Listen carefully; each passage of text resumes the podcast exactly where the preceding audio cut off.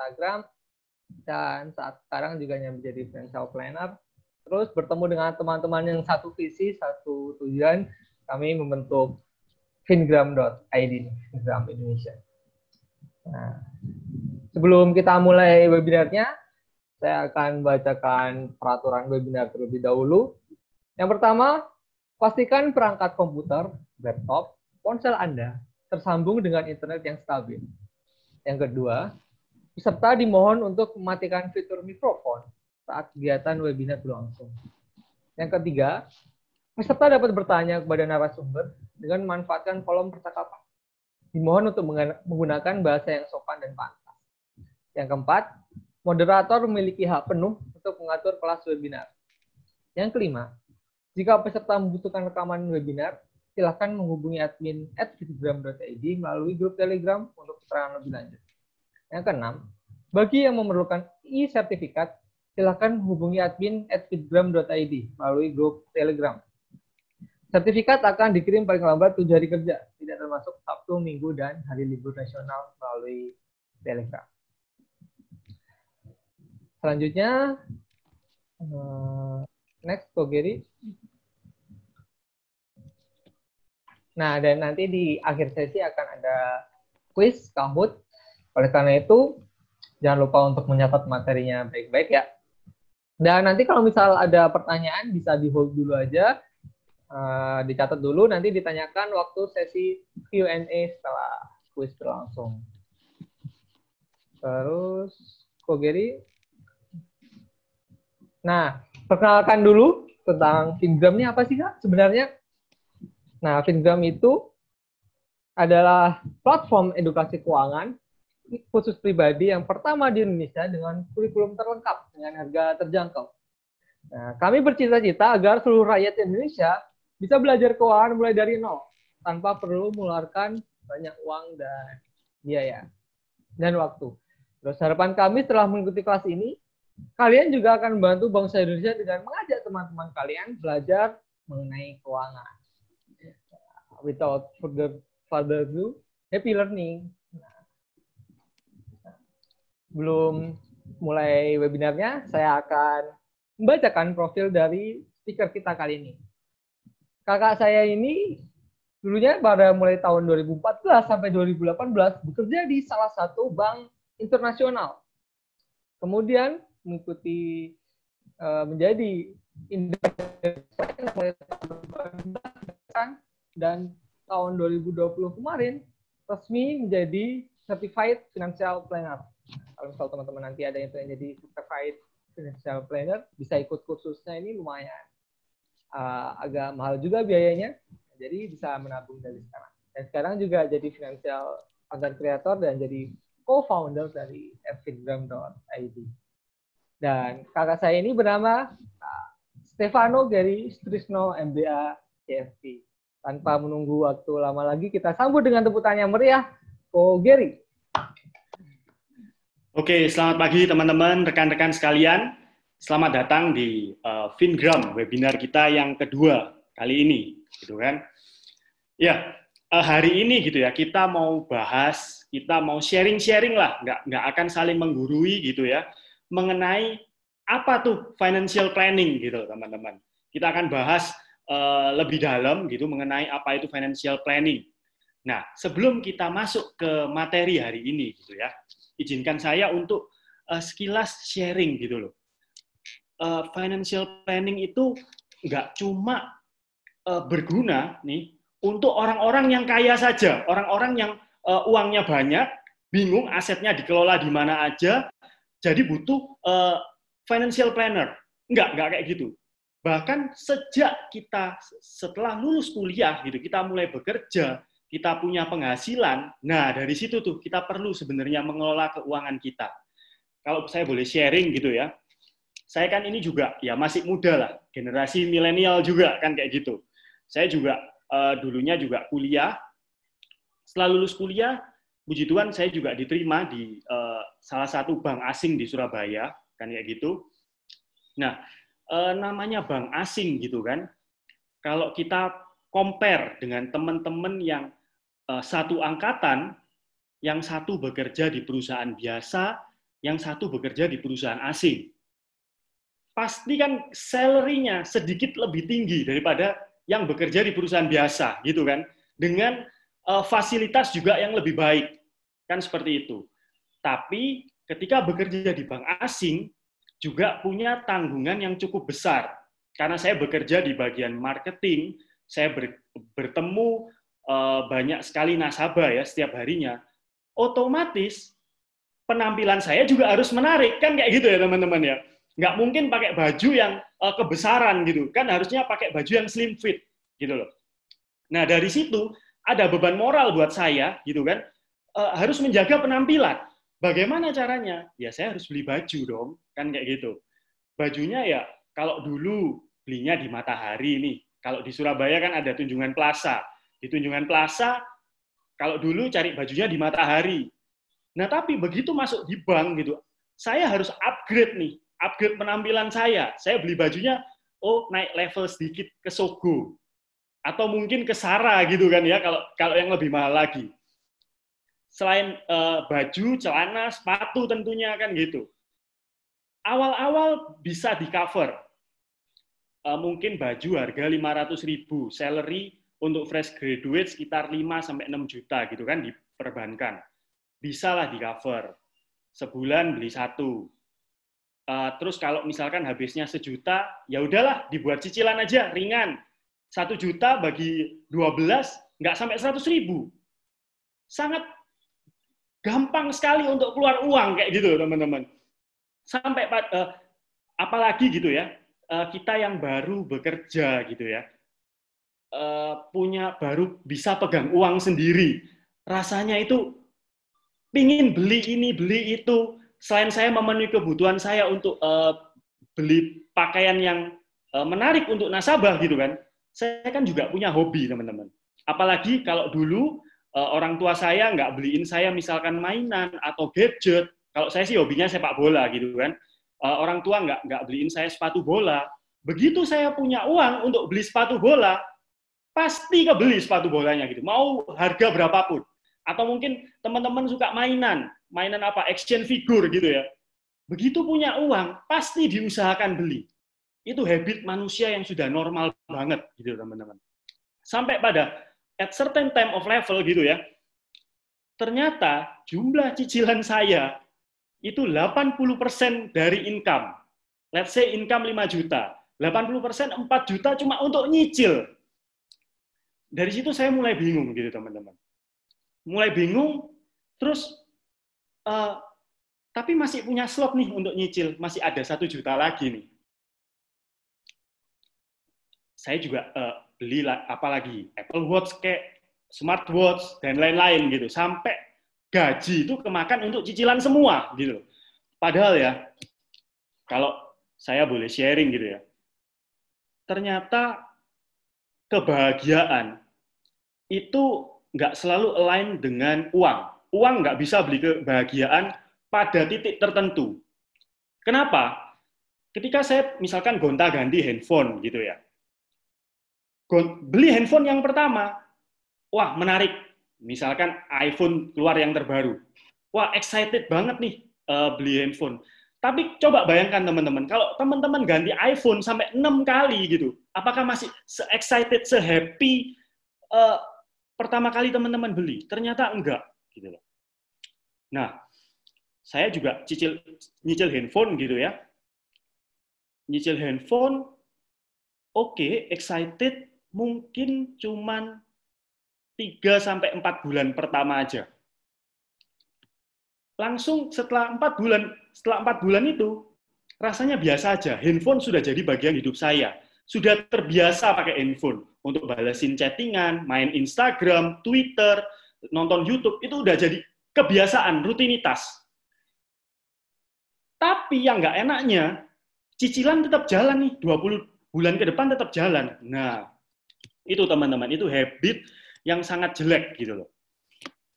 Sehingga saya mulai berpikir nih, kalau saya seperti ini terus, nah terus kapan saya mau beli rumah? Kapan saya mau beli kendaraan, sepeda motor atau mobil? Kapan saya mau menikah? dari situ saya mulai sadar gitu. Oh ternyata uh, habit saya yang sekarang ini ini buruk. saya perlu banget nih mengatur keuangan saya. That's why financial planning itu perlu banget. Apalagi di umur-umur kalian yang baru lulus kuliah, atau di umur-umur 30 mulai mapan, ini penting banget. Oke? Nah, agenda kita teman-teman hari ini ada lima. Nanti setiap uh, bagian gitu ya, akan saya stop sekilas untuk teman-teman mungkin ada yang mau tanya gitu. Dan pastikan teman-teman catat, karena nanti kuis yang di Kahoot itu ya teman-teman, itu semua berasal dari uh, materi yang akan saya sampaikan. Saya akan kasih kisi-kisinya nanti.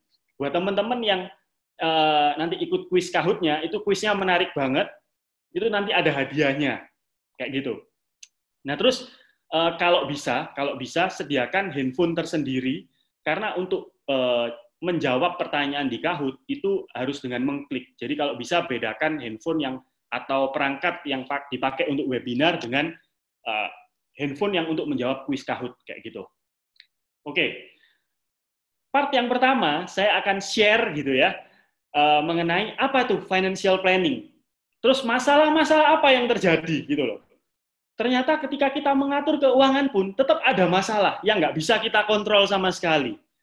Nah, begitu ada masalah, orang mulai berpikir, saya mulai berpikir, waduh, nggak bener nih, aku harus mulai mengatur uangku. Nah, di part kedua kita akan bahas mengenai money management. Gimana sih cara mengatur uang? Basicnya aja, simple aja gitu loh. Terus di part yang ketiga ada empat dana utama yang harus wajib teman-teman sediakan. Yang keempat, kita akan discuss mengenai insurance introduction sekilas. Dan yang kelima, eh, akan diskusi mengenai investment introduction. Kenapa kok investasi itu perlu untuk mencapai tujuan keuangan? Kenapa kok kita nggak cukup nggak cuma menabung aja gitu loh? Oke, kalau tadi aku sharing gitu kan mengenai di ketika aku uh, saya baru lulus kuliah gitu kan, apa-apa saya beli, semua pakai uang. Nah coba teman-teman di sini lihat gitu ya, mulai ini kan siklus hidup manusia, mulai dari lahir, jadi anak kecil, uh, sekolah, dewasa, kuliah, lulus sekolah, lulus kuliah, mulai bekerja, sampai mapan, sampai pensiun jadi kakek nenek, ada nggak sih? Coba teman-teman chat di bawah itu ya. Ada nggak yang nggak butuh duit sama sekali? Kira-kira ada nggak? Bahkan ya, ketika teman-teman uh, memasuki masa pensiun, jadi kakek nenek gitu ya, bukan bukan berarti uh, nggak butuh uang, enggak loh. Walaupun mungkin kelihatannya cuma makan tidur makan tidur jaga anak gitu kan, makan tidur makan tidur jaga cucu kan kayak gitu kan kita dititipin cucu. Jangan salah, karena uh, karena sudah tua tetap butuh sosialitas, sosialisasi. Di mana biasanya mereka ikut Eh, komunitas mungkin komunitas di agama, komunitas sosial untuk bersedekah, itu juga butuh uang loh, dan uangnya nggak sedikit. Terus juga namanya orang tua pasti mulai sakit-sakitan. Saya dulu punya nenek gitu ya, tapi sudah meninggal gitu. Nenek saya itu demen banget pakai salon pas gitu. Bahkan sampai karena orang tua saya, mama saya di Jakarta, Bahkan mama saya ini sampai beli salon pas jauh-jauh dari Jakarta untuk sekedar nenek saya. Bayangkan gitu loh. Semua butuh duit. Nggak ada yang nggak butuh duit. Ya kan? Karena karena semua butuh uang. So, kita perlu mengatur keuangan kita. Saya balik lagi ya. Kalau kondisi kita saat ini ada di level yang di bawah yang baru pakai dasi, pakai kemeja putih, dasi warna biru, teman-teman itu teman-teman yang hari ini, teman-teman butuh duit hari ini. Tapi ingat, masih ada empat level. Ya kan? Mulai dari jenggotnya bertumbuh, sampai jenggotnya banyak, gitu kan, sampai sampai pensiun. Teman-teman tetap harus menyiapkan uangnya, gitu loh. Nggak berhenti cuma sampai hari ini tok, sampai hari ini aja. Enggak. Tapi tetap masih ada uh, yang harus dicapai. Oleh karena itu, kita perlu namanya financial planning. Menurut uh, Financial Planning Standard Board Indonesia gitu ya. Ini adalah lembaga uh, yang menaungi para certified uh, financial planner seperti saya ini gitu ya. Ini diakui di Indonesia bahkan di seluruh dunia. Dia bilang kayak gini, financial planning adalah proses mencapai tujuan hidup seseorang melalui manajemen keuangan secara terintegrasi dan terencana. Poinnya ada tiga, teman-teman. Satu, tujuan hidup seseorang. Kedua, terintegrasi. Dan ketiga adalah terencana. Maksudnya apa? Setiap tujuan hidup manusia gitu ya, mau nggak mau pasti butuh uang. Punya tujuan berlibur gitu. Berlibur nggak salah untuk having fun, untuk rekreasi. Tetap butuh uang gitu loh. Mau menikah, mau beli rumah, mau uh, punya anak, nanti anaknya sekolah, semua butuh uang. Sampai di usia pensiun kita butuh uang gitu loh. That's why poin yang kedua adalah terencana. Kita harus merencanakan nih. Kalau nggak merencanakan, kita cuma uh, hidup pay, uh, check to check gitu ya, paycheck to paycheck. Gaji hari ini uh, besok udah habis, tanggal 15 udah habis, atau akhir mendekati akhir bulan udah habis. Kita nggak ada waktu untuk menabung sama sekali. Nah itu bahaya, itu mulai warningnya teman-teman. Semua harus direncanakan. Even liburan pun gitu ya, nggak apa-apa liburan. Mungkin dua tahun lagi kita mau ke Bali gitu kan, katakanlah Oke, biaya liburan ke Bali berapa? Pesawatnya atau naik bis, naik mobil sendiri berapa? Rata-rata mungkin sekitar 2 sampai 3 juta. Enggak masalah. Oke, dua tahun lagi, 3 eh, juta, berarti dibagi 24. Berarti sebulannya aku harus nabung berapa? Aku harus nabung, let's say 100 ribu, 150 ribu. Nah, itu kan perencanaan, gitu kan teman-teman. Nah, setelah kita merencanakan, jangan berhenti di merencanakan saja. Ternyata ada satu lagi, kita perlu diintegrasikan gitu loh. Ketika kita punya rencana, ternyata rencana hidup manusia itu nggak cuma satu atau dua. Satu, kalau setelah kita menikah pasti kita hari ini kita menghidupi keluarga kita. Kedua, anak kita perlu sekolah, perlu kuliah. Ketiga, nanti kita pensiun. Sudah ada tiga, minimal ada tiga yang harus kita siapkan. That's why perlu diintegrasikan. Nggak mungkin kita cuma fokus di uh, pendidikan anak aja gitu loh semua gaji kita full untuk uh, menyiapkan dana pendidikan. Nah, tapi yang untuk hari ini kita sampai susah-susah makan aja sampai susah. Terus belum lagi kita menyiapkan dana pensiun kita nggak siap sama sekali. Enggak, enggak kayak gitu teman-teman. Ada prioritas. Oh mungkin kalau kita bisa menabung eh, satu juta sebulan, oke. Okay. Eh, dana pendidikan 500 ribu, dana pensiun 300 ribu. Mungkin untuk dana liburan 100 ribu. Semua perlu diintegrasikan. Kayak gitu. Nah, sebelum kita punya tujuan keuangan gitu ya, ibaratnya rumah, kita harus punya fondasi yang kuat. Teman-teman coba bayangkan deh, kalau kita membangun rumah di atas fondasi pasir gitu ya, pasir uh, ya pasir, pasir laut atau pasir apa gitu ya. Kira-kira kalau ada badai gitu, rumahnya ambrol nggak? Hancur nggak? Kan ya hancur gitu loh. Beda kalau kita membangun rumah di atas batu gitu kan, itu akan kuat banget. Apalagi kalau kita lihat ini piramida ke perencanaan keuangan itu dibangun seperti piramida. Kalau teman-teman lihat piramida gitu kan, pondasinya kuat banget tuh. Gede banget. Baru semakin mengerucut ke atas. Itu ada angin topan puting beliung, nggak mungkin uh, hancur. Kalau nggak percaya teman-teman ya, coba teman-teman buktikan, datang ke Mesir gitu mungkin ya, kasih tahu saya nanti ya. nah, fondasi yang kuat apa gitu? Fondasi yang kuat adalah ketika kita merasa aman dengan keuangan kita sendiri. Level pertama adalah keamanan keuangan. Apa itu? Apa aja? Yang pertama, kalian mesti punya dana darurat. Dana darurat apa? Itu nanti akan saya jelaskan di slide berikutnya. Kalian juga bisa memanage hutang dengan baik. Hutang boleh, boleh hutang. Salah satu fungsi hutang untuk uh, katalis kita gitu loh. Kalau harga properti mahal, kita bisa ambil KPR, kita boleh berhutang ke bank, nggak masalah. Tapi di manage dengan baik, gitu kan? Terus kita punya cash flow yang sehat. Cash flow yang sehat kayak gimana? Simple gitu loh. Ya udah gajimu, salarymu lebih besar daripada pengeluaranmu. Kamu masih bisa menabung. Itu udah that's all gitu aja gitu loh. Nggak usah ribet-ribet. Terus yang terakhir, kita punya manajemen resiko yang baik. Manajemen resiko yang baik itu apa? Kita mesti punya asuransi. Uh, minimal kita punya asuransi kesehatan dulu, kayak gitu. Nah, kalau kita sudah punya pondasi yang kuat, gitu ya, baru kita naik, kita bisa mikirin nih kenyamanan keuangan. Kita mulai uh, punya tujuan untuk berlibur, kita menyiapkan dana pensiun, whatsoever, terserah. Tapi intinya kita harus punya dulu. Basicnya kita punya keamanan keuangan dulu yang kuat. Gitu. Oke. Kalau kita uh, tahu gitu ya, oke, okay, aku harus merencanakan keuangan dulu. Gitu. Tapi ternyata apa teman-teman? Masalah itu selalu ada gitu loh. Masalah di hidup itu selalu ada gitu. Nggak mungkin kita jalannya mulus-mulus banget. Dan masalah ini gitu ya mau nggak mau harus kita terima. Nggak bisa kita hindari. Masalah yang pertama dalam perencanaan keuangan gitu ya, yaitu inflasi. Teman-teman tahu semua kan inflasi, yaitu kenaikan harga barang. Kalau hari ini kita ngopi gitu katakanlah, di tahun 2020 di Starbucks, itu harganya sekitar 40 ribu mungkin ya.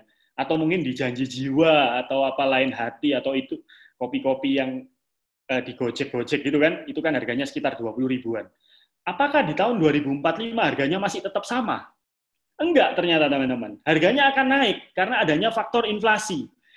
Kalau saya boleh ingat dulu gitu ya, waktu saya SD, SMP mungkin uh, uang jajan saya gitu kan, itu mungkin sekitar 5 ribu. 5 ribu itu sudah bisa makan bakso sama beli teh botol. Nah, tapi kalau sekarang gitu kan, dengan uang 5 ribu kayaknya nggak cukup. Kayaknya cuma dapat teh botol gitu ya. Atau fresh tea gitu. Beli bakso aja gitu, itu sudah minimal 10 ribu sendiri. Nah, itu yang namanya inflasi. Inflasi di Indonesia itu nggak gede-gede banget, juga nggak uh, kecil-kecil banget. Rata-rata inflasi di Indonesia itu ada sekitar 5 persen. Gitu. Kalau teman-teman lihat ini, ini data dari Badan Pusat Statistik Indonesia. Dia kasih tahu, kalau setiap tahun ada naik turunnya inflasi. Dan kalau di rata-rata itu sekitar uh, eh, 3 sampai 5 persen. Kayak gitu teman-teman. Nah, karena ada inflasi, uang yang kalian tabung gitu ya akan mengecil. Kayak gambar ini kan mengecil. Uang 10 juta yang kalian teman-teman tabung, ketika 10 tahun lagi nilainya nggak 10 juta lagi loh. Bisa jadi cuma 1 juta. That's why, well, Kenapa kita perlu merencanakan keuangan, kita perlu berinvestasi, gitu ya? Karena kalau kita cuma menabung, sudah susah-susah nabung satu juta sebulan, gitu kan? Selama 10, 10 bulan, kita ngumpulin 10 juta, ternyata 10 tahun lagi nilai uangnya bukan 10 juta, cuma satu juta, gitu loh. Kita sudah keluar effort besar, tapi hasilnya eh, kecil, gitu kan, rugi, sayang sekali kayak gitu. Nah itu satu dari uh, segi inflasi, kenaikan harga barang. Yang kedua, yang nggak bisa kita hindari gitu ya. Ada quote gitu ya, kalau teman-teman pasti tahu semua. Uh, dewasa itu pilihan, tua itu pasti. Nah ini juga gitu loh. Kita hidup mau nggak mau harus tua. Mungkin muka kita aja yang mungkin tetap uh, tetap uh, baby face gitu ya. Tapi tapi tetap kita itu akan menua suatu saat. Mungkin kita uh, mulai bekerja usia 20, 22 gitu kan. Mau sampai kapan? Mau sampai usia 55, 60. Oke, nggak masalah. Nah, usia 20 sampai 60, catat gitu ya teman-teman ya. Ini adalah masa produktif teman-teman untuk bekerja. Masa di mana kita bisa menghasilkan uang gitu loh. Setelah di tahun setelah usia 55 atau 60, teman-teman sudah nggak bekerja lagi, sudah pensiun, dan di mana ketika kita nggak punya uh, income lagi, ya terpaksa kita harus menggerogoti, kita harus memakan tabungan kita. That's why kayak tadi aku bilang gitu kan, ketika kita bekerja bukan untuk hari ini saja gitu loh, tapi kita juga harus memikirkan di masa yang akan datang, di masa depan gitu. Dan di mana waktu kita untuk mencari uang itu terbatas, hanya sekitar 30 sampai 40 tahun saja. Nah, that's why perlu perencanaan keuangan yang tepat. Gitu. Yang ketiga, hidup itu nggak lempeng-lempeng aja, nggak lurus-lurus aja kayak gambar di sini. Kita tahu gitu ya, saat ini sama-sama semua, semua di dunia ini pasti uh, mengalami yang namanya pandemi corona, di mana banyak pekerjaan-pekerjaan yang kolaps gitu, terutama awal-awal pariwisata gitu kan, pariwisata, airplanes gitu, hotel, banyak yang berguguran, dan ya jadi uncertainty, jadi nggak pasti hidup ini gitu loh. Terus mau gimana? Gitu loh. Nah, karena hidup nggak lempeng-lempeng aja, penuh ketidakpastian. Kayak kayak gini, jalan ruwet kayak gini. Lah kenapa kita kok nggak mengatur keuangan kita gitu loh? Kalau kita sudah tahu nih hidup ini nggak nggak ada kepastiannya. Let's say let's say kayak gini. Uh, kalau kita tinggal di Jakarta gitu ya, kan jalanannya macet banget. Kita mau dari Jakarta Selatan ke Jakarta Utara. Kalau kita sudah punya perencanaan yang tepat gitu ya. Ada banyak pilihan kalau mau ke Jakarta dari Jakarta Selatan ke Jakarta Utara. Satu, naik tol, kedua lewat jalan jalan bawah, jalan biasa. Nah, kalau teman-teman punya planning yang benar gitu loh. Walaupun uh, satu ini ternyata kalau kita mau lewat jalan bawah ternyata macet gitu kan. Oh, masih ada backup plan. Kita bisa lewat tol. Atau uh, kalau kita udah tahu nih jalan bawah nggak macet, kita lihat di Google Map di WC warnanya nggak merah. Nah kita lewat jalan bawah aja karena uh, lebih murah nggak bayar tol. Nah kayak gitu. That's why kita perlu mengatur keuangan kita. Oke sampai sini dulu teman-teman. Uh, ada yang mau ditanyakan nggak? Ini sekilas introduction mengenai uh, basic financial planning. Kalau ada pertanyaan silakan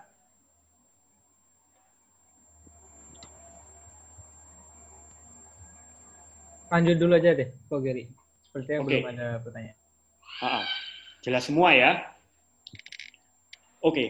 nextnya di part yang kedua kita akan ngomongin tentang uh, money management. Gimana sih caranya kita ngatur uang, gitu kan? Kalau kita ngomongin money management, itu ada dua hal yang harus teman-teman siapkan.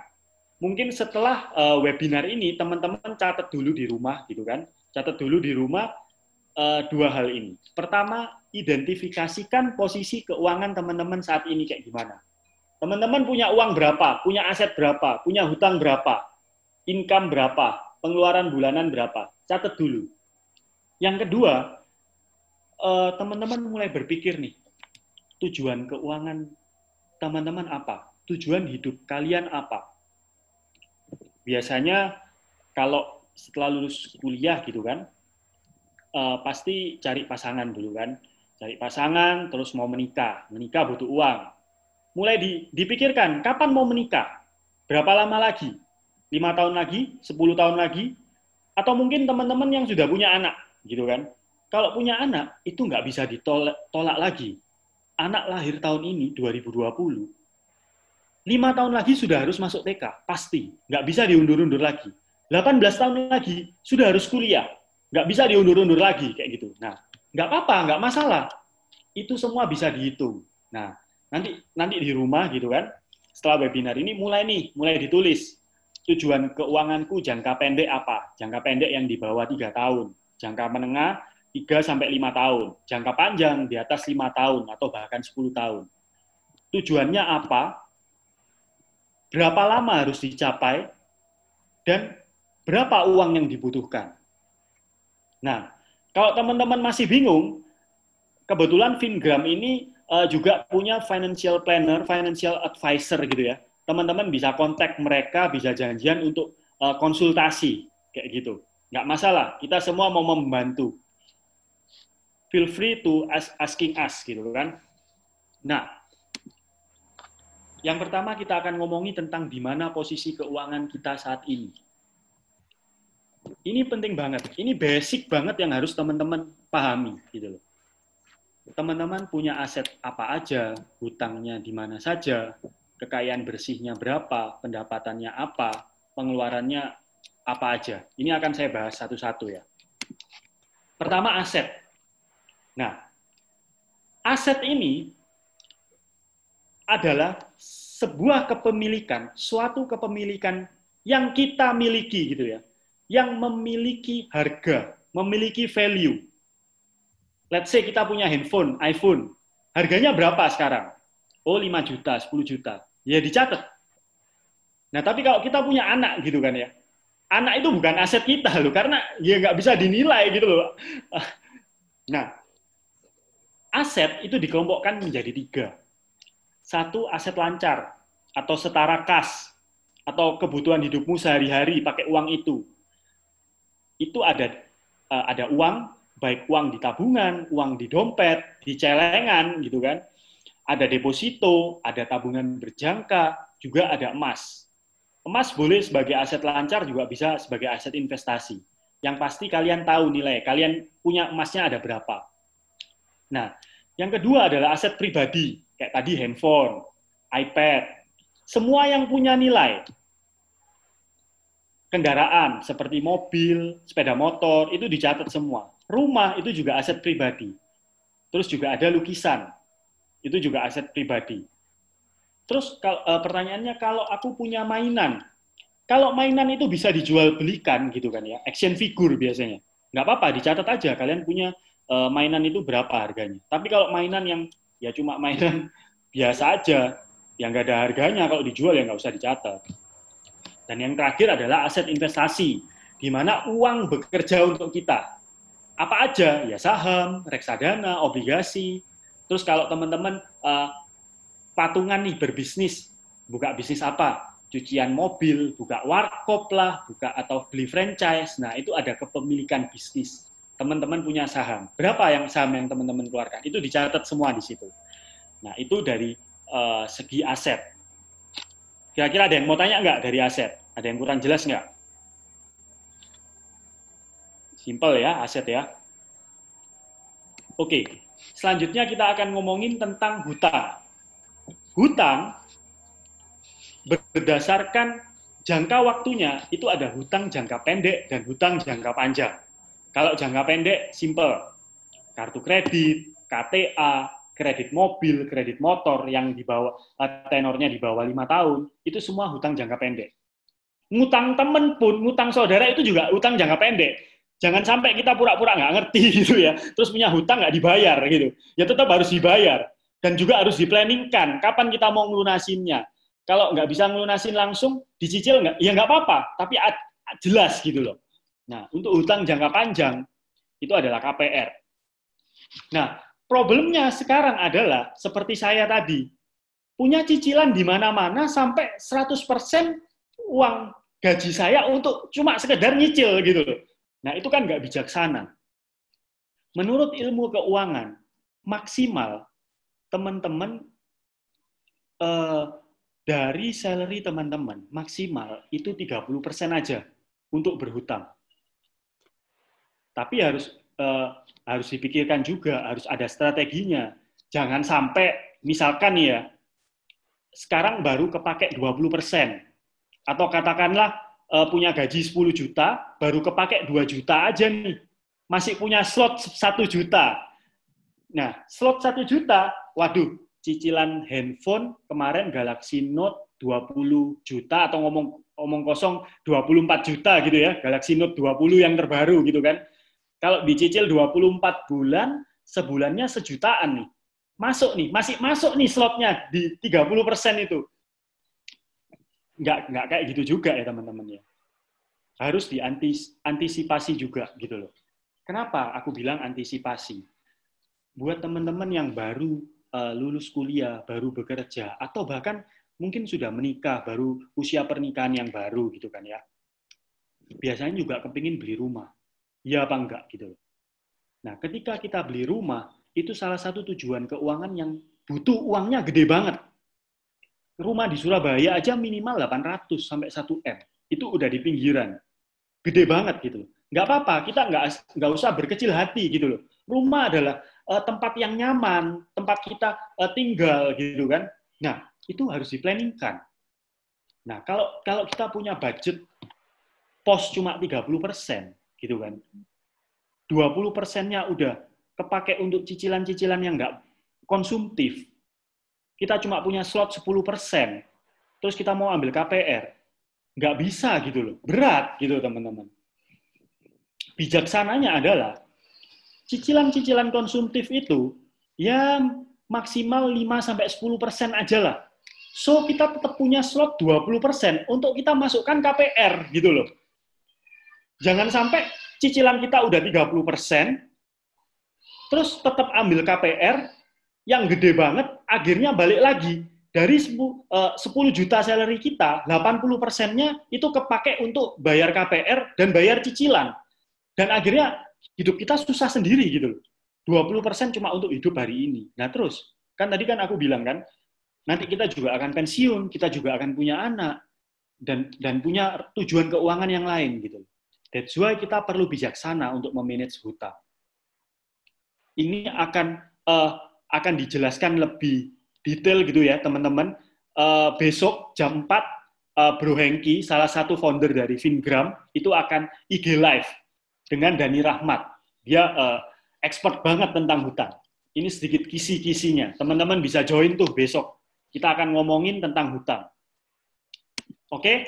Nah. I didn't get that. Could you try again? Setelah kita tahu nih, kita sudah uh, total aset kita berapa. Your Mac is at 100%. Terus, and, oh my goodness, it's full of electrons. Nah, terus hutang kita berapa totalnya? itu akan ketemu namanya nilai kekayaan bersih kita. Nah, ini nah ini yang buat teman-teman patokannya. Bukan seberapa besar income yang teman-teman punya, tapi seberapa berkembang nilai kekayaan bersih teman-teman. Kalau saat ini hutangnya lebih gede, nggak masalah. Tapi mulai dikejar nih. Oh, saya harus mulai menaikkan aset saya. Hutang yang nggak benar mulai dikurangi. Buat teman-teman yang udah punya aset yang lebih besar daripada hutang, nilai kekayaan bersihnya udah positif, selamat. Tapi jangan bereforia, ya udah, ye selesai, golku selesai. Enggak, teman-teman juga harus tetap ngembangin. Setahun, let's say, bisa ngembangin 5%, 10%, nggak masalah. It's okay gitu. Pokoknya setiap tahun berkembang asetnya. Hutangnya semakin menurun. Kayak gitu. Nah, ini ada pertanyaan gitu ya dari Nandya. KTA itu apa ya, Ko? Nah, KTA itu pinjaman tanpa anggunan, pinjaman tanpa jaminan. Jadi, kalau KPR, kredit kepemilikan rumah, itu kan jaminannya rumah. Nah, kalau KTA nggak punya jaminan. Nah, terus misalkan kamu dipinjemin 10 juta, tenornya eh, setahun. Nah, KTA itu juga ada bunganya. Jadi Eh, kamu cicil 10 bagi 12 plus bunganya. Nah, kayak gitu itu namanya KTA. Oke? Nah, terus setelah kita tahu nilai kekayaan bersih, selanjutnya kita akan ngomongin tentang cash flow tadi. Cash flow itu akan ngomongin dua, satu pemasukan, satu pengeluaran. Pemasukan jelas dari gaji atau dari bunga atau teman-teman yang uh, kerja sendiri dari hasil usaha yang disisikan setiap bulannya, itu pemasukan. Nah, pengeluaran itu dibagi jadi dua, pengeluaran rutin maupun pengeluaran non-rutin.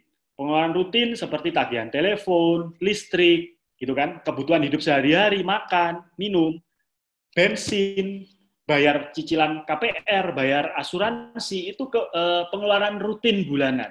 Juga ada pengeluaran non-rutin, seperti liburan. Kita kan nggak liburan setiap bulan kan. Ya biar puji Tuhan kalau bisa liburan setiap bulan. Tapi kan biasanya ada liburan besarnya di akhir tahun atau di tengah, pertengahan tahun, misalkan ke Bali atau ke luar negeri ke mana, ke Singapura kayak. Nah itu kan uh, biaya, beban, pengeluaran. Nah itu perlu teman-teman catat juga.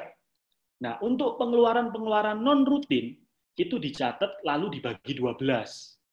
Agar kenapa? agar kita tahu nih sebulannya ternyata habis berapa sih untuk liburan dan dikombain total pengeluaran sebulannya dengan yang rutin tadi itu berapa sih aku terus di, kita cek lagi kalau dikomparin dengan pemasukan eh, ini cash flow-nya jadi positif atau negatif nih? Jangan sampai kita jadi besar pasak daripada tiang. Pengeluarannya lebih gede dari pemasukan. Nah ini sudah mulai warning gitu loh. Nah buat teman-teman yang masih bingung gimana sih cara mengatur keuangan agar pemasukanku lebih besar dari pengeluaran, aku bisa ngerem pengeluaran. Ada bermacam-macam teori gitu. Tapi bukan berarti teori yang ini salah satu teori yang akan saya jelaskan gitu ya. Bukan yang terbaik. Tapi teman-teman bisa ikutin ini, yaitu dengan teori 50 30 20 rule. Artinya apa? Dalam 100% penghasilan teman-teman, itu 50% sudah di spare, sudah diposkan untuk kebutuhan hidup. Lalu 30 persennya untuk keinginan. Dan 20 persennya untuk menabung dan investasi. Apakah ini sudah baku pakemnya? Nggak ada yang baku. Ketika teman-teman uh, udah naik salary gitu ya, ya sebisa mungkin uh, kebutuhan hidupnya tetap ditekan, keinginannya tetap ditekan, menabungnya yang lebih tinggi. Kan kayak gitu. Nah, yang penting adalah ada dua hal gitu. Mau pakai teori apa pun, mau pakai teori 50 30 20, mau pakai teori nanti ada yang namanya 40 30 20 10, 40 kebutuhan hidup, 30 cicilan, 20 investasi dan menabung, 10% sedekah gitu kan. Itu nggak masalah. Semua bisa diikutin. Tapi ada dua hal yang mesti teman-teman tekankan. Gitu.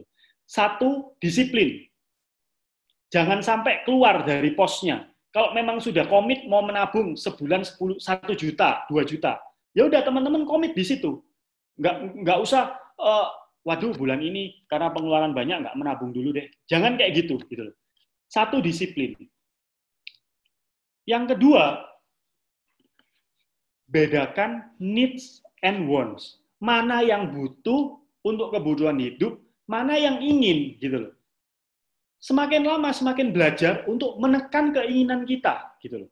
Kenapa? Ya diingat-ingat lagi kita punya tujuan hidup jangka panjang gitu. Kalau kita uh, cuma uh, berpusat pada keinginan kita terus, nah kapan kita bisa mencapai kebutuhan uh, tujuan hidup kita kayak gitu loh. Nah, sampai sini mungkin ada pertanyaan dulu.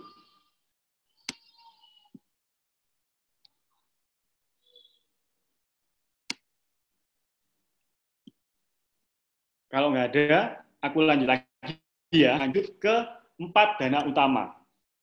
Nah, ini ada empat dana yang harus wajib kita siapkan di dalam hidup kita. Mau nggak mau harus disiapkan. Yang pertama adalah dana darurat. Kayak tadi aku bilang, ketika kita membangun pondasi keuangan, kita harus pertama yang harus kita lakukan adalah kita punya porsi dana darurat. Kayak namanya dana darurat, yaitu dana yang dipakai saat kondisi darurat. Kayak apa contohnya? Mungkin ada teman-teman yang tahu fungsinya dana darurat seperti apa? Boleh tulis di kolom chat gitu ya. Yang pasti, uh, misalkan gini ya, uh, kita berangkat bekerja, kita berangkat bekerja, naik kendaraan gitu ya, naik mobil, tiba-tiba diserempet orang dari belakang, orangnya kabur, kita nggak punya asuransi mobil, Terus kalau nggak segera dibenerin, mobil kita nggak bisa jalan karena bempernya pesok, penyok gitu ya, kena e, roda. Mau nggak mau harus dibenerin. Nah, di situ gunanya dana darurat. Jadi kita nggak perlu pakai e, income income bulanan kita, tapi kita sudah punya nih dana darurat. Nah, ini contohnya juga e, di PHK. Begitu kita e, di PHK, otomatis kita nggak punya income. Nah, karena kita punya dana darurat, ada dana yang untuk membackup kebutuhan hidup kita sehari-hari. Kayak gitu. Uh, ya benar, Nova Sulianti, Sulianti, dana yang bisa kita pakai sewaktu-waktu saat mendesak, misalnya kayak kondisi pandemi. Nah, kayak gitu. Tapi hati-hati gitu teman-teman. Uh, dana darurat jangan sampai uh, ditaruh di tempat yang sama dengan uh, rekening kebutuhan hidup kita sehari-hari, rekening pribadi kita. Jangan sampai digabungkan. Karena kenapa? Balik lagi, kadang kita itu nggak bisa ngontrol wants-nya gitu, kita itu nggak bisa. Pasti ada aja alasan gitu loh untuk beli sesuatu gitu loh. Dan alasan dan mendesak gitu loh. Akhirnya kepake tuh dana darurat. Nah itu nggak boleh banget. Sebisa mungkin dipisahkan di tempat yang lain. Buka rekening uh, pribadi yang kedua kayak it's okay gitu. Nah, berapa pertanyaannya? Besarnya dana darurat. Jumlah yang optimal ketika kita menyiapkan dana darurat sebesar 6 sampai 12 kali dicatat ya, pengeluaran bulanan teman-teman. Kalau teman-teman punya pengeluaran bulanan 10 juta, let's say gitu ya, berarti harus kumpulin 60 sampai 120 juta. Dan ditaruh di rekening terpisah. Atau kalau teman-teman tahu reksadana pasar uang, boleh ditaruh di reksadana pasar uang. Atau mungkin di emas, silahkan. Gitu loh. Pokoknya gampang sekali dilikuidasi, dicairkan gampang banget gitu loh. Boleh. Di, yang pasti jumlahnya adalah 6 sampai 12 kali pengeluaran bulanan teman-teman. 60 sampai 120 juta. Boleh nggak lebih kecil dari itu? Ya balik lagi. Kalau lebih kecil dari itu, nah pas kondisi yang nggak enak, kondisi di PHK, gitu kan. Apa iya kalau kita cuma ngumpulin cuma satu kali dana darurat, satu kali dana pengeluaran, cuma 10 juta. Nah terus bulan berikutnya gimana gitu loh, kalau belum sampai dapat pekerjaan.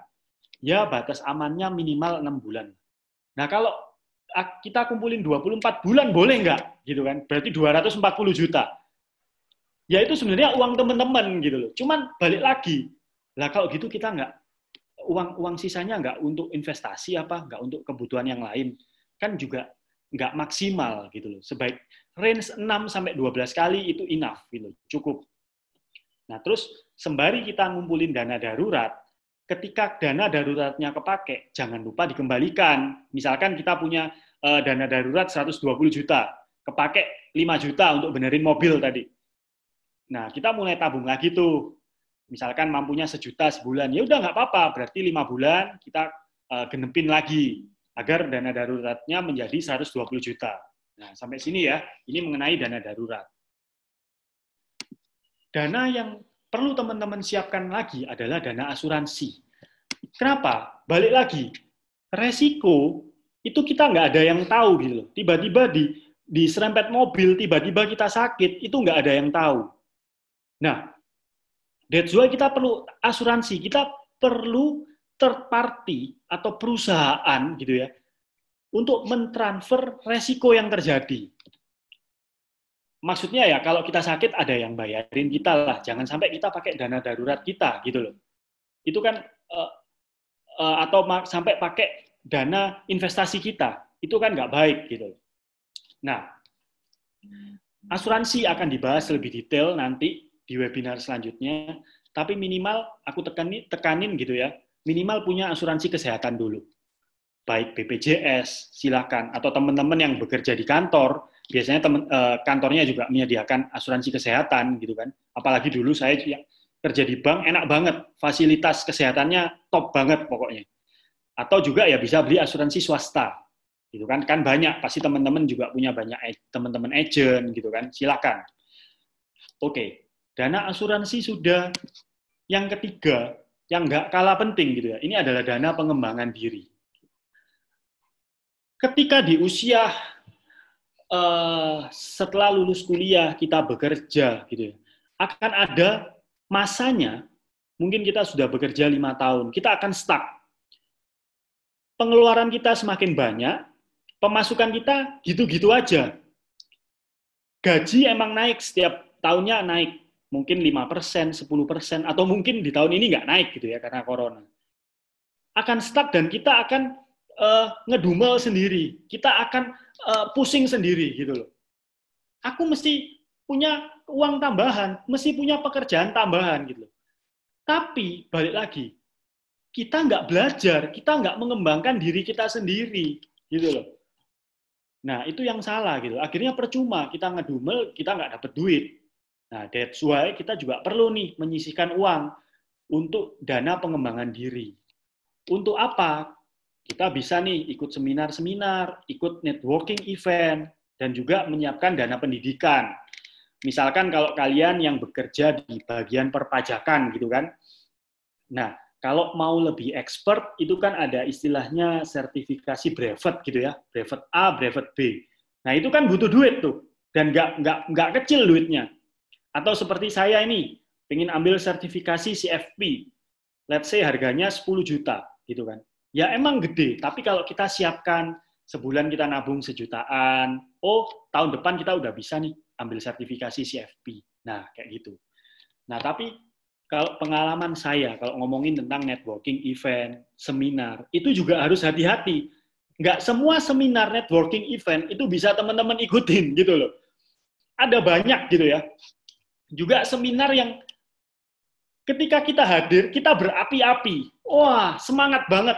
Tapi setelah keluar, waduh udah lupa, semangatnya udah luntur. Aku mau ngerjain apa ya? Nah, itu hati-hati teman-teman. Jadi harus harus selektif untuk cari seminar atau networking event gitu loh. Cari yang benar-benar sesuai dengan kebutuhan kalian. Misalkan kalau sekarang yang lagi happening tentang online shop, ya cari yang online shop uh, atau praktisi yang sudah berkecimpung di sana udah lama gitu ya. Kita dengerin pengalamannya dia kayak gitu. Atau juga ikut-ikut webinar kayak gini tentang mengatur keuangan. Ini juga bagus banget gitu loh. Ke depannya juga kita akan uh, sering gitu akan adakan webinar uh, dengan macam-macam tema. Karena kenapa? Karena kita lihat uh, literasi di Indonesia itu ya itu masih rendah banget. Di mana kita punya visi gitu ya teman-teman Fingram ini kita punya visi di tahun 2030 2045 kita akan menjadikan Indonesia gitu ya kita punya mimpi yang besar yang paling top se-Asia Tenggara. Literasi keuangannya top banget. That's why kalau teman-teman merasa ini bermanfaat gitu ya, ikutin terus nih seminar-seminar ini. Kita akan punya judul-judul yang menarik dan juga ajak teman-teman yang lain untuk gabung di sini. Kayak gitu. Oke, terus selanjutnya mau nggak mau, kita juga harus siapin dana pensiun. Kayak tadi aku bilang, kita punya masa produktif, kita juga punya masa pensiun. Nggak selamanya kita bekerja. Kayak gitu loh. Pertanyaannya, kalian mau usia, kalian mau pensiun di umur berapa? Dan ketika pensiun, kalian mau punya lifestyle seharga berapa? Misalkan hari ini aku bisa hidup dengan uang cuman 2 juta atau 5 juta atau 10 juta. Nah, ketika kita pensiun, apakah kita tetap mau punya lifestyle di angka 2 juta, 5 juta, 10 juta, atau lebih? Dan kita ingat lagi, tadi ada faktor inflasi. Dengan lifestyle 2 juta di hari ini, ketika kita nanti usia 50 atau usia 55, usia 60, apakah nilainya tetap 2 juta? Kan akan naik, bisa jadi 20 juta. Nah, itu perlu persiapan yang tepat. Kenapa kok di, di, harus disiapkan dengan tepat gitu loh? Ada istilahnya sandwich generation. Ini apa? Kayak gambarnya gitu ya. Sandwich itu kan daging. Daging di mana dikempit, dihimpit oleh dua roti dari atas dan bawah. Gitu kan. Maksudnya apa? Seperti hidup kita gitu loh. Kita dihimpit. Kalau kita yang sudah bekerja, terus sudah menikah gitu ya, kita harus membiayai keluarga kita. Di satu sisi, kita dihimpit juga untuk membiayai orang tua kita. Karena orang tua kita nggak siap dengan dana pensiunnya. Ngerti ya sampai sini? Jangan sampai karena kita membiayai orang tua kita, gitu ya, kita sendiri nggak menyiapkan dana pensiun. Dan akhirnya ketika kita sudah usia pensiun, anak kita sudah gede, udah kerja, udah menikah, kita membebani anak-anak kita. That's why rantai sandwich generation ini nggak akan putus. Nah, salah satu tujuan Fingram ngadain seperti ini, kita mau nih generasi milenial, generasi muda melek keuangan gitu, mulai menabung dari sekarang. Agar apa? Agar rantai sandwich generation itu terputus. Kita bisa membiayai hidup kita di masa yang akan datang gitu. Kita nggak hidup di hari ini aja, tapi kita hidup di masa depan. Kayak itu, masa depan bukan berarti mungkin kita di surga gitu. Enggak, enggak ketika kita di, di masa pensiun, kita punya uang untuk hidup kita. Jangan membebani anak kita, kayak gitu.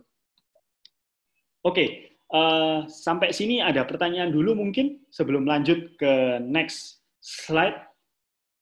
Oh ini, Kak, keempat dana tersebut harus berbarengan dipersiapkankah atau step satu penuhi dana darurat, kemudian asuransi. Nah, uh, yang utama adalah kita tentukan dulu fondasinya. Yang tadi kan ada empat, manajemen hutang, manajemen uh, resiko, dana darurat, dan cash flow, gitu kan. ada pos dana darurat dan pos asuransi. Nah itu, itu dipenuhin dulu yang itu. Baru akan mikirkan di dana pensiun. Kayak gitu. Prioritasnya dana darurat dan dana asuransi dulu. Nah, izin tanya Kak, apakah status lajang atau tidak kita harus dipertimbangkan juga untuk menentukan range dana darurat yang harus disediakan. Nah, kalau ilmunya gitu ya, kalau ilmunya untuk orang yang single masih lajang, itu besarnya dana darurat sebenarnya adalah tiga kali pengeluaran bulanan. Untuk yang sudah menikah, itu sekitar 6 atau yang sudah punya anak itu sampai 12 kali dana eh, dana pengeluaran kita, dana daruratnya. Mau pakai patokan yang mana? Buat aku pribadi, paling enak pakai 6 sampai 12 kali. Tiga terlalu sedikit, terlalu resiko kayak gitu.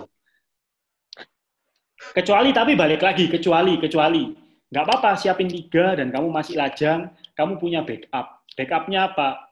orang tuanya masih bekerja atau mungkin dari keluarga yang berkecukupan. It's okay, nggak masalah. Gitu. Agar kenapa? Agar kamu bisa prepare yang lain. Kamu bisa prepare dana uh, dana pengembangan diri, dana asuransi kayak gitu, nggak masalah. Kak, saya mau baru mau mulai sisihkan gaji saya untuk dana darurat. Tips awal dong, berapa persen yang perlu saya sisihkan, misalkan gaji saya 4 juta per bulan untuk dana darurat. Nah, balik lagi tadi, uh, nggak ada hitungan yang pasti, gitu kan. Tapi kalau ngikutin rule yang 50, 30, 20, itu harus sisihkan sekitar 20 persen atau minimal 10 persen untuk dana darurat. Yang pasti adalah disiplin. Setiap bulan harus nabung nih. Nggak apa-apa 10 persen, 10 persen dari 4 juta berarti 400 ribu. Nggak apa-apa 400 ribu sebulan. Tapi disiplin. Dan kamu tahu targetnya. Kalau uh, eh, 4 juta mungkin pengeluaran bulanannya tiga setengah juta gitu kan ya. Berarti tiga setengah juta dikali 12 atau misalkan dikali 10 berarti 35 juta. Ya berarti ya udah kalian punya target 35 juta setiap bulan nabung 400 ribu, 400 ribu, 400 ribu untuk dana darurat. Nggak masalah, kecil dulu nggak masalah. Pokoknya disiplin, mulai dari kecil dulu. Nanti kalau udah salary-nya naik, mau dinaikin jadi uh, sejuta sebulan, it's okay gitu. Kak mau nanya, kan tadi buat dana daruratnya di RDPU, itu sebaiknya dikumpulin dulu sampai sesuai targetnya kita atau langsung dimasukin ke RDPU-nya. Soalnya yang saya tahu harga RDPU sering naik. Nah, uh, reksadana gitu ya, kita ngomong reksadana pasar uang. Itu setiap hari ada kenaikan harganya, tapi nggak signifikan, nggak banyak banget gitu loh. Terus uh, nunggu uang karena ada kenaikannya. Itu cuma bonus. Uangmu naik itu cuma bonus, gitu loh. Yang penting uangmu liquid. Kayak gitu teman-teman. Nggak apa-apa, dimasukin, nggak, nggak usah nunggu terkumpul, kayak tadi contohnya 35 juta, nggak usah kita kumpulin 35 juta dulu baru masuk ke reksadana pasar uang, enggak. Mulai dari 400 ribu kita belikan reksadana pasar uang, dicicil terus gitu loh ada kenaikan harga, nggak usah diperhatikan. Itu cuma bonus. Karena kita nggak ngejar investasi dari sana. Kita cuma uh, pakai reksadana pasar uang cuma sebagai wadah aja, sebagai celengan, di mana kalau kondisi darurat itu bisa dicairkan. Nah, tapi hati-hati teman-teman. Namanya reksadana gitu ya, itu memang gampang banget dicairkan. Dan nilainya ketika kamu nabung 35 juta, ketika dicairkan, nggak mungkin turun jadi 34 juta, itu nggak mungkin pasti tetap 35 juta plus kenaikannya. Tapi biasanya butuh waktu pencairannya. Enggak cuma kalau hari ini dicairkan, ntar sejam lagi cair duitnya. Enggak. Tapi ada waktunya, 3 sampai 7 hari hari kerja. Kayak gitu. Itu perlu diperhatikan juga. Kayak gitu tentang uh, menaruh dana darurat di reksadana pasar uang. Oke. Lanjut ya. Nah, selanjutnya kita akan masuk ke asuransi. Banyak sekarang stigma buruk tentang asuransi, gitu kan? Orang takut banget didatengin temen tiba-tiba ya kawan lama yang nggak kena uh, udah lama banget gitu ya temen SMA tiba-tiba datang gitu hey Ger uh, ketemuan yuk ternyata jualan asuransi gitu kan terus kita mulai uh, eh, self defense nggak jangan kayak gitu teman-teman itu adalah cara lama, mindset yang lama. Nah, hari ini aku mau buka gitu loh. Asuransi harus teman-teman analogikan. Itu seperti satpam penjaga rumah. Satpam, teman-teman ada maling, nggak ada maling, setiap hari satpamnya harus di situ. Gitu kan. Nggak ada maling berarti nggak ada pekerjaan kan. Tapi tetap teman-teman harus bayar. Asuransi pun demikian teman-teman jangan terbuai dengan kata-kata cukup bayar lima tahun, cukup bayar 10 tahun, terus nggak perlu bayar. Enggak. Asuransi itu adalah beban. Seperti kamu bayar listrik, bayar tagihan air, bayar tagihan telepon. Setiap bulan ada tagihannya, atau bahkan disetahunkan. Setiap tahun ada tagihannya. Kepake, nggak kepake, tetap harus bayar. Gitu loh. Ya jangan sampai kepake. Kalau kepake berarti kan kita sakit. Kayak gitu. Nah itu uh, gambarannya asuransi kita perlu diproteksi. Kenapa? Let's say uh, kita punya tujuan gitu ya, apalagi kalau kita sudah menikah, kita punya anak, kita uh, anak kita perlu dana pendidikan. Jangan salah konsep dulu gitu loh. Bukan berarti asuransinya yang akan membiayai dana pendidikan anak kalian. Wrong, salah. Yang benar, kalian tetap harus nabung, kalian tetap harus investasi untuk dana pendidikan anak uh, dana pendidikan anaknya teman-teman kali teman-teman ini gitu loh. Nah, fungsinya asuransi ketika terjadi masalah, terjadi uh, amit-amit gitu ya, kita meninggal, kita yang kepala keluarga ini yang uh, punya source of income gini ya, meninggal. Nah, asuransinya keluar. Sebesar apa? Sebesar dana pendidikannya anak-anak anak-anak gitu loh. Let's say uang kuliah 500 juta kita baru kumpul, kita baru nabung 200 juta. Berarti perlu 300 juta lagi. Nah, kita beli nih asuransi pertanggungan jiwa 300 juta. Nah, itu untuk jaga-jaga gitu loh. Itu bukan untuk tabungan loh. Itu untuk jaga-jaga kalau kita terjadi resiko. Kalau kita nggak ada, uang 300 jutanya keluar, anak kita tetap bisa kuliah dengan lifestyle yang sama. Kalau kita mau kuliah, let's say di Jakarta apa UI gitu ya di Depok ada UI walaupun kita meninggal anak kita tetap bisa kuliah di UI nggak sampai berhenti cuma sampai SMA doang gitu loh. Nggak tetap bisa kuliah. Kayak gitu. Itu fungsinya asuransi yang benar nah manfaat lainnya yaitu adalah ini satu melunasi hutang kedua pengganti pendapatan kayak tadi kan terus biaya pemakaman biaya pendidikan anak dan warisan dan yang paling ngetren sekarang di kalangan uh, milenial itu adalah warisan. Paper asset mereka bilang. Kenapa? Satu, kalau teman-teman uh, punya orang tua kan, orang orang tua punya rumah gitu kan.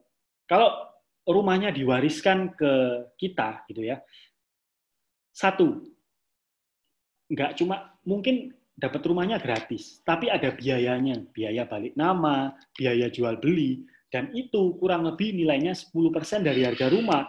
Kalau harga rumahnya 500 juta, 5, 10 eh, persennya 50 juta. Nah, kadang kita, kita ini yang lagi baru bekerja nih, atau mungkin lagi kena pandemi corona, uang kita habis. Apa siap uang 50 juta? Kan belum tentu siap. Ya kalau harga rumahnya 500 juta, kalau 1M, 2M. Nah, that's why perlu uh, pengganti dari kalau kita mau mewariskan properti itu bisa dengan uang penanggungan jiwa. Enak, gampang gitu loh. Kalau kita terjadi resiko atau orang tua kita terjadi resiko meninggal, ya udah uang penanggungan jiwanya eh, dengan mudah itu ke anak-anaknya sebagai ahli waris. Misalkan eh, kalian dua bersaudara gitu kan, ya udah si A dapat 50%, si B 50%, udah enak gitu. Nggak usah ribet-ribet bayar biaya jual beli rumah, eh, biaya Eh, balik nama, nggak usah ribet-ribet kayak gitu. Nah, itu salah satu fungsi asuransi.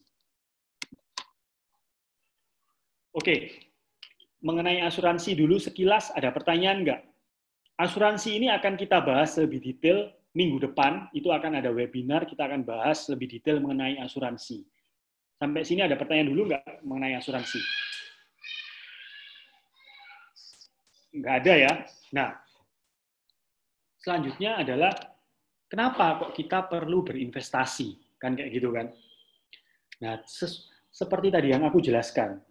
kalau kita hanya menabung tok, kita menabung saja, gitu kan.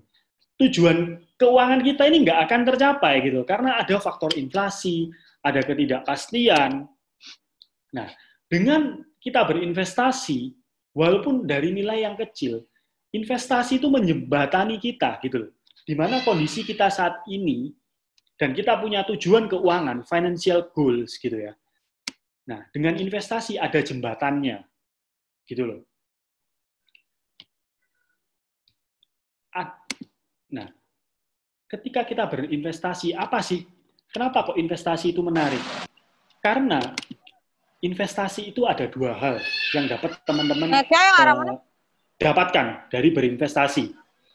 Pertama, capital gain. Capital gain itu apa? Kenaikan nilai aset. Misalkan teman-teman investasi uh, beli rumah gitu kan.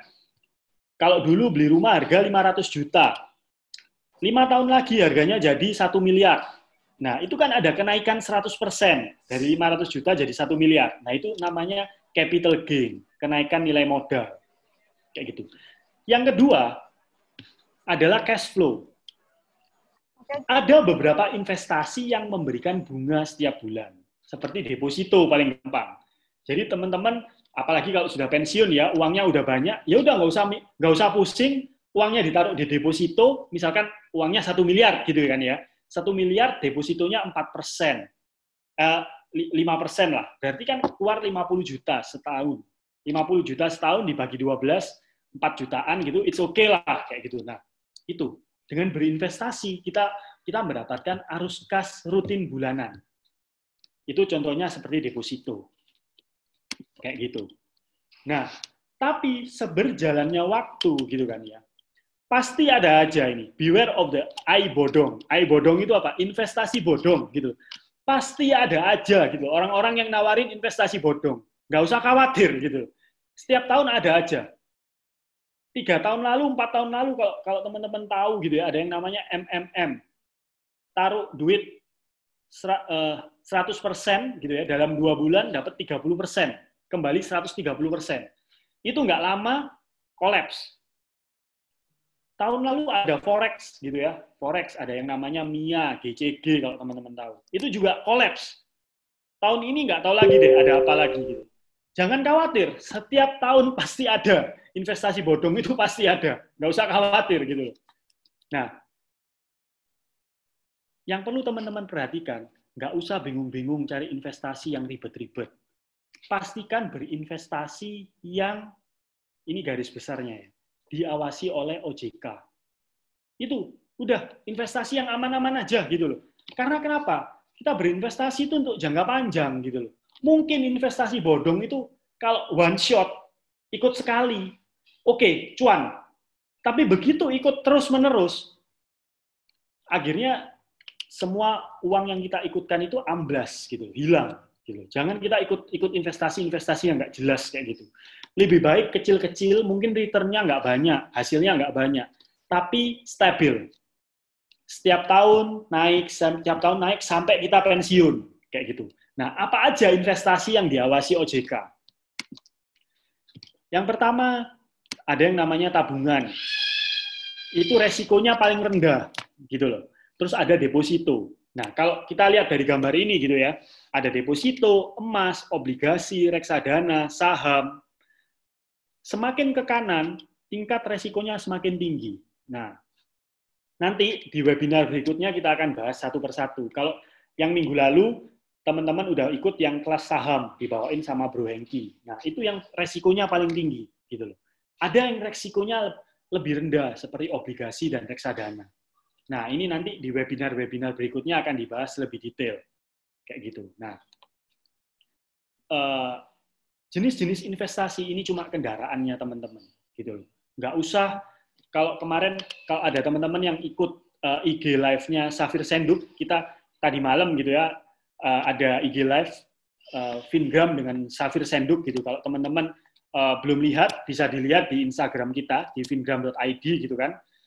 Si Safir Senduk bilang gitu, nggak usah investasi yang aneh-aneh, uh, terlalu uh, detail, jelimet atau apa katakanlah rumit, nggak usah.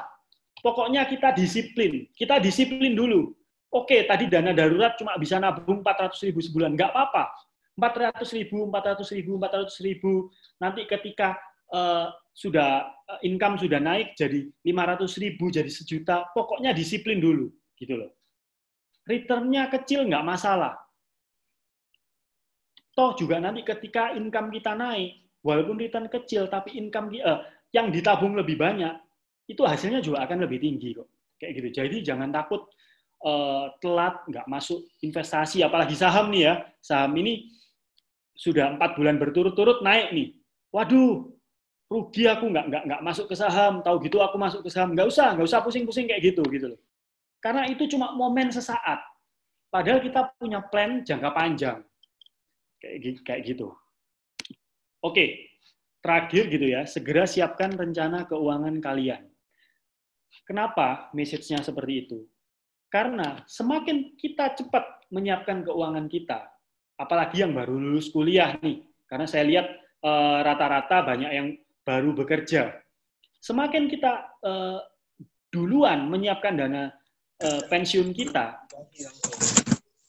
akan semakin sedikit, cicilannya semakin sedikit, gitu loh. Bandingkan ketika kita menyiapkan dana pensiun, kita mau pensiun umur 55, kita baru siapkan uh, pensiun di umur 45, which is cuma sisa 10 tahun lagi, itu dana yang harus disiapkan gede banget gitu loh, ratusan juta. Tapi kalau kita menyiapkan dana pensiun dari usia dini, itu paling cuma 200 ribu, 300 ribu, itu udah bisa gitu. Kalau teman-teman uh, mungkin mau le tahu lebih detail, teman-teman bisa konsultasi ke teman-teman di Fingram ini. Mereka pasti bisa bantuin. Kayak gitu. Oke, uh, sekian dari saya gitu. Saya kembalikan ke Bro Febrian. Mungkin kalau ada pertanyaan, silahkan. Terima kasih kepada Ko Gary. Uh, tepuk tangan dong. Thank you. Materinya keren banget. Pasti teman-teman juga udah bertanya-tanya tadi itu apa. Nah kalau misalnya mau tanya bisa ditanyakan di sesi Q&A habis ini ya. Biar agak nyantai, lebih nyantai kita kuis dulu bentar tadi kan ada kuis scout. Mari kita mulai. Teman-teman udah bisa nyiapin gadget yang lainnya tadi? Bisa atau pinjam ke orang tuanya atau ke temennya. Sayang banget nih kalau nggak diikutin dapat gratis konsultasi nilai berapa ya? 500 ribu kalau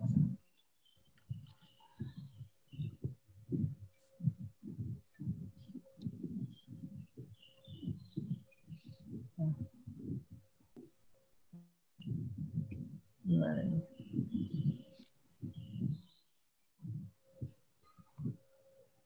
Play.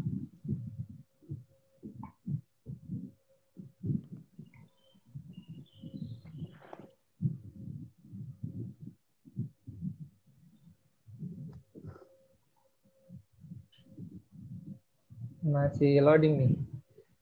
Yuk, mulai.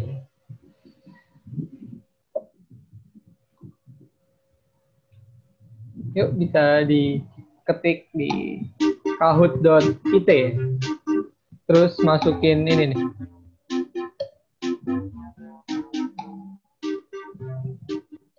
masukin pinnya 7300 satu satu eh satu kosong tiga tujuh tiga kosong kosong satu kosong tiga langsung banyak yang hadir nih 12 orang dari berapa ya tadi ya? Sekitar 80 orang ya. Kita tunggu dua menit lagi lah ya.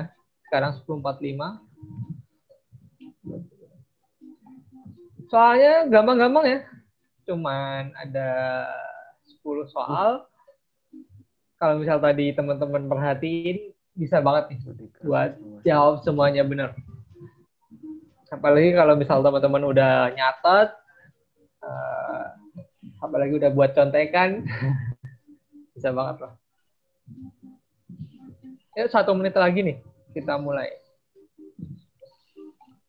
bisa pinjam HP-nya temen, HP-nya orang tua buat ikut bentar.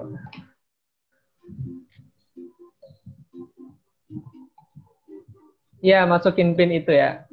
7300103. Masuk melalui browser ya. kahoot.it. Hmm. Nah, nanti habis ini kita mulai. Yuk.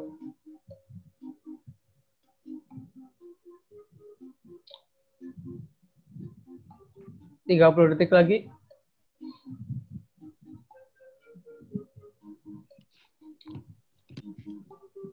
Udah 44, 45. Nah, siap, nanti di screenshot ya pemenangnya. Hmm, saya hitung mundur ya dari 10. 10, 9, 8, 7, 6, 5, 4, 3, 2, 1, start. Hmm. 3, 2, 1. Yang termasuk dalam keamanan keuangan, dalam piramida keuangan, kecuali, nah, apa nih? Yo, udah ada 12 jawaban. 30. 5 detik lagi nih.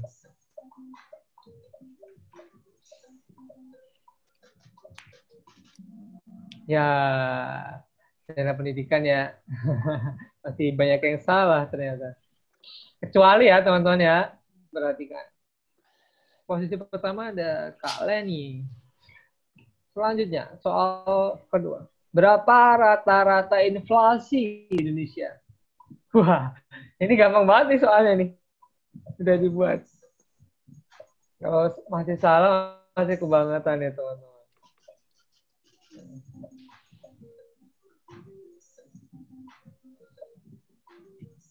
Ayo, udah semuanya?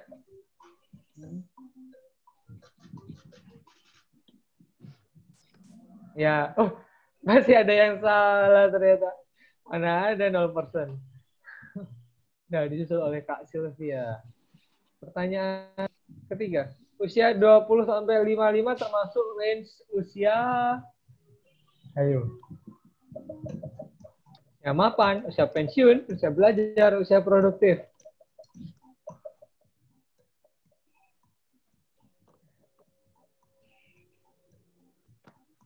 Ayo, tiga lagi nih belum jawab. Loh, ke mana nih? Ya, benar banget. Usia produktif. Oh, masih Kak Sylvia. Lanjut. Yang termasuk aset lancar di bawah ini. Aset lancar itu aset yang liquid, yang gampang cairnya.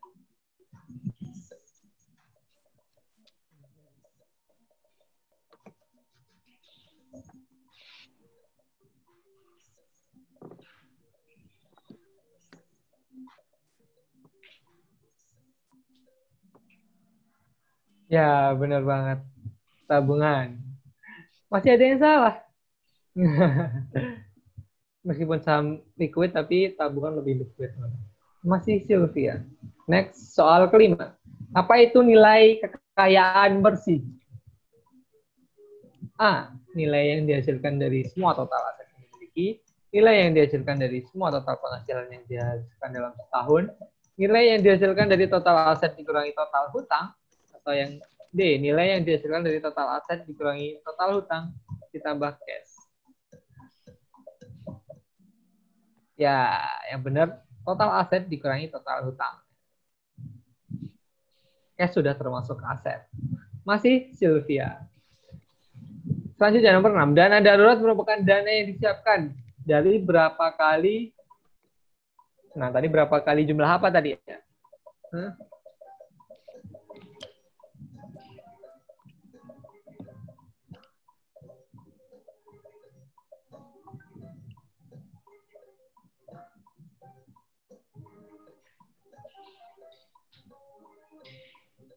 Nah, jumlah pengeluaran ya teman-teman ya.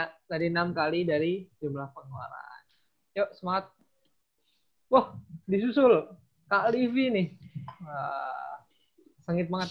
Tinggal tiga pertanyaan, tiga tempat ya. Yang bukan termasuk dana pengembangan diri. Yang bukan ya ini kecuali ya berarti ya. Ayo apa yuk? Jangan sampai salah lagi nih.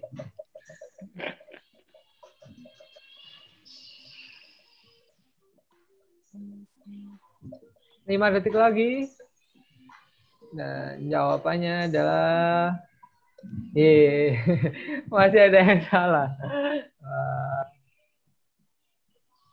Masih kali V. Next. Tiga pertanyaan lagi. Berapa beberapa manfaat asuransi yaitu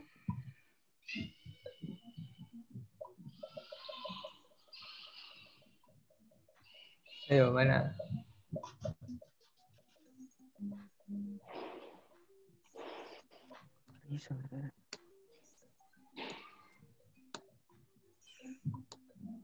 Ya, semua benar ya teman-teman. Dan masih Kak Livi. Oh. Yuk, dua pertanyaan lagi. Yang dapat dari berinvestasi adalah Ayo, apa ini?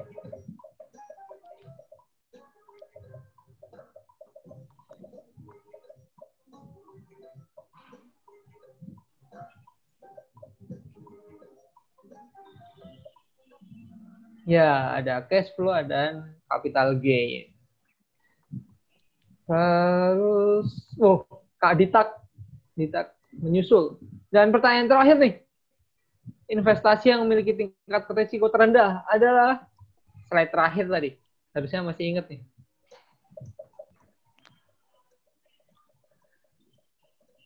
Oh, dan siapa ya yang apakah ada yang menyusul lagi kayak tadi menikung di tikungan terakhir. Ya jawabannya tabungan. Dan mari kita lihat pemenangnya. Di posisi ketiga ada Ainova Elis SA nomor kedua ada Sylvia. Dan posisi pertama ada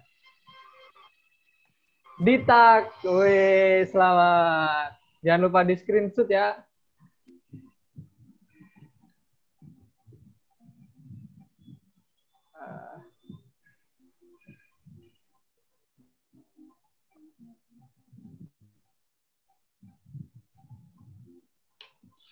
Nah, mungkin balik ke Q&A ya. Teman-teman yang tadi ya ada pertanyaan bisa langsung bertanya. Oh, cukup seru banget ya gamenya ini dibuat langsung oleh Ko Gary juga. Yang mau bertanya via ngomong atau mate hidupin kamera juga bisa. Tinggal raise hand aja ya di bagian reaction. Nanti saya buka Oh ya, nanti ada link feedback feedbacknya nanti di grup akan kami share ya.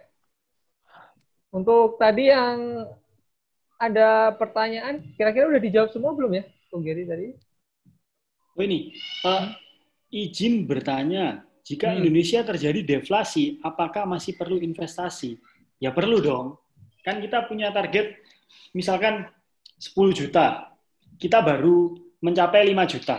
Terus Indonesia mengalami deflasi. Lah kan kita tetap harus cari 5 jutanya. Tetap perlu berinvestasi. Kayak gitu. Oh, ya.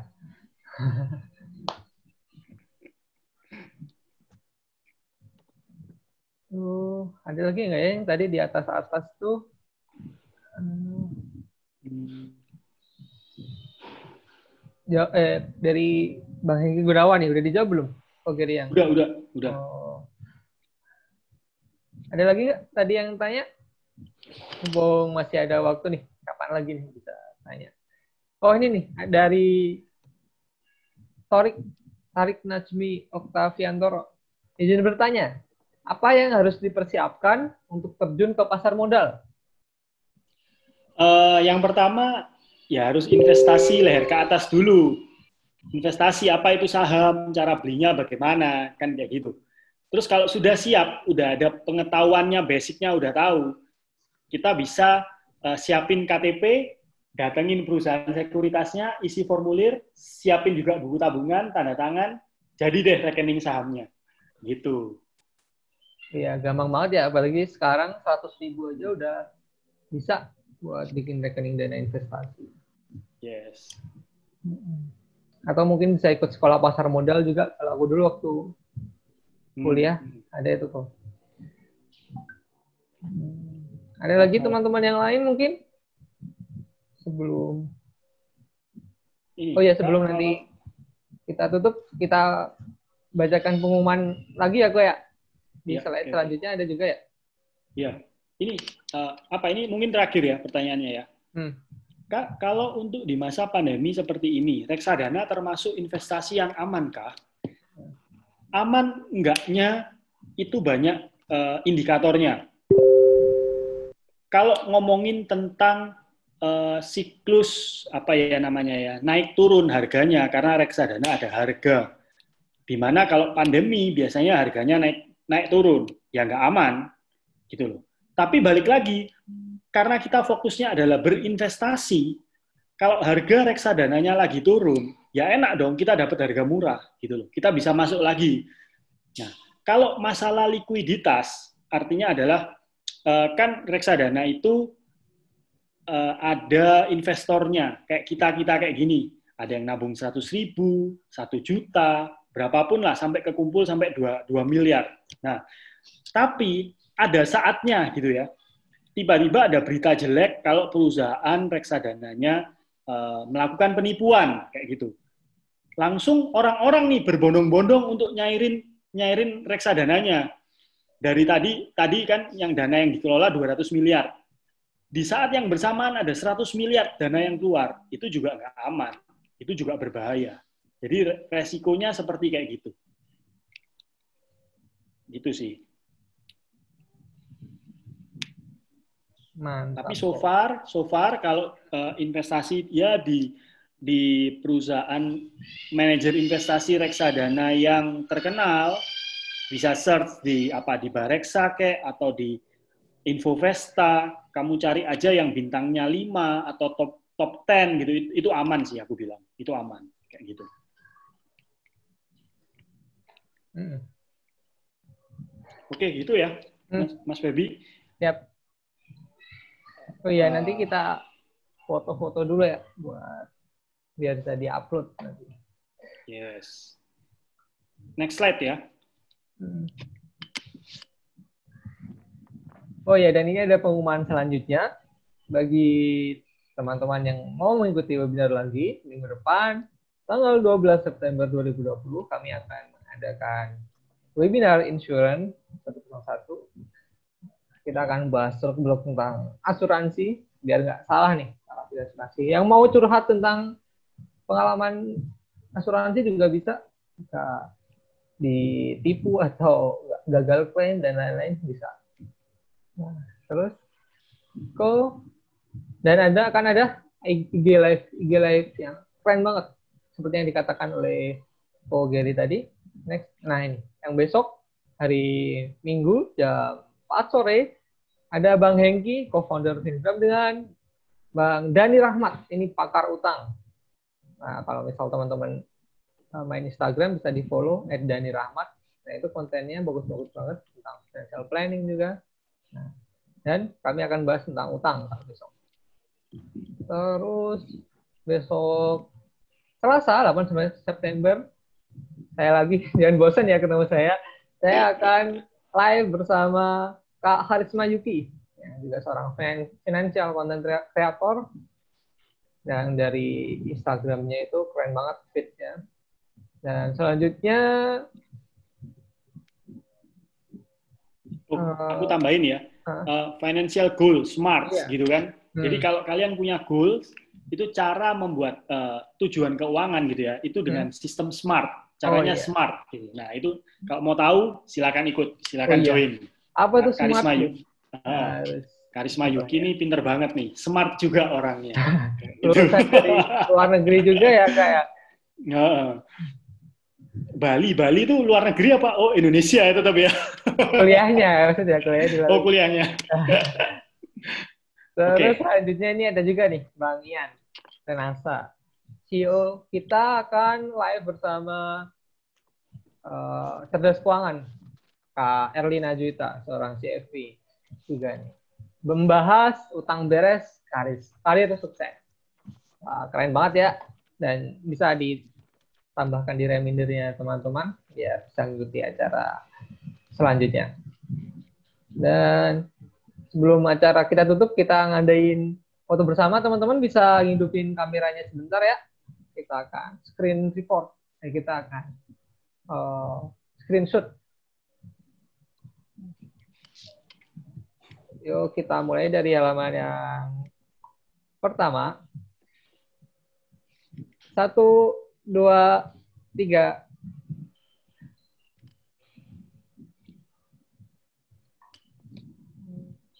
Bentar, Kok gak ke foto ya? Satu, dua, tiga. Terus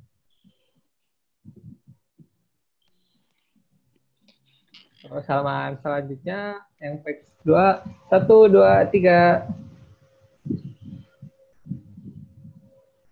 Dan yang terakhir nah satu dua tiga.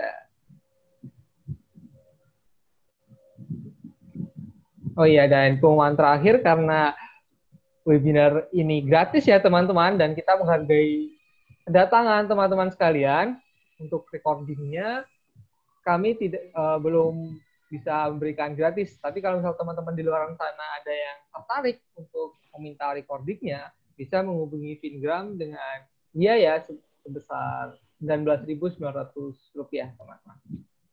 jadi kami benar menghargai teman-teman yang saat ini mau belajar, mau live datang bersama kami. Dan sampai jumpa di webinar selanjutnya. Terima kasih dan kami mohon maaf apabila ada salah kata. Wassalamualaikum warahmatullahi wabarakatuh.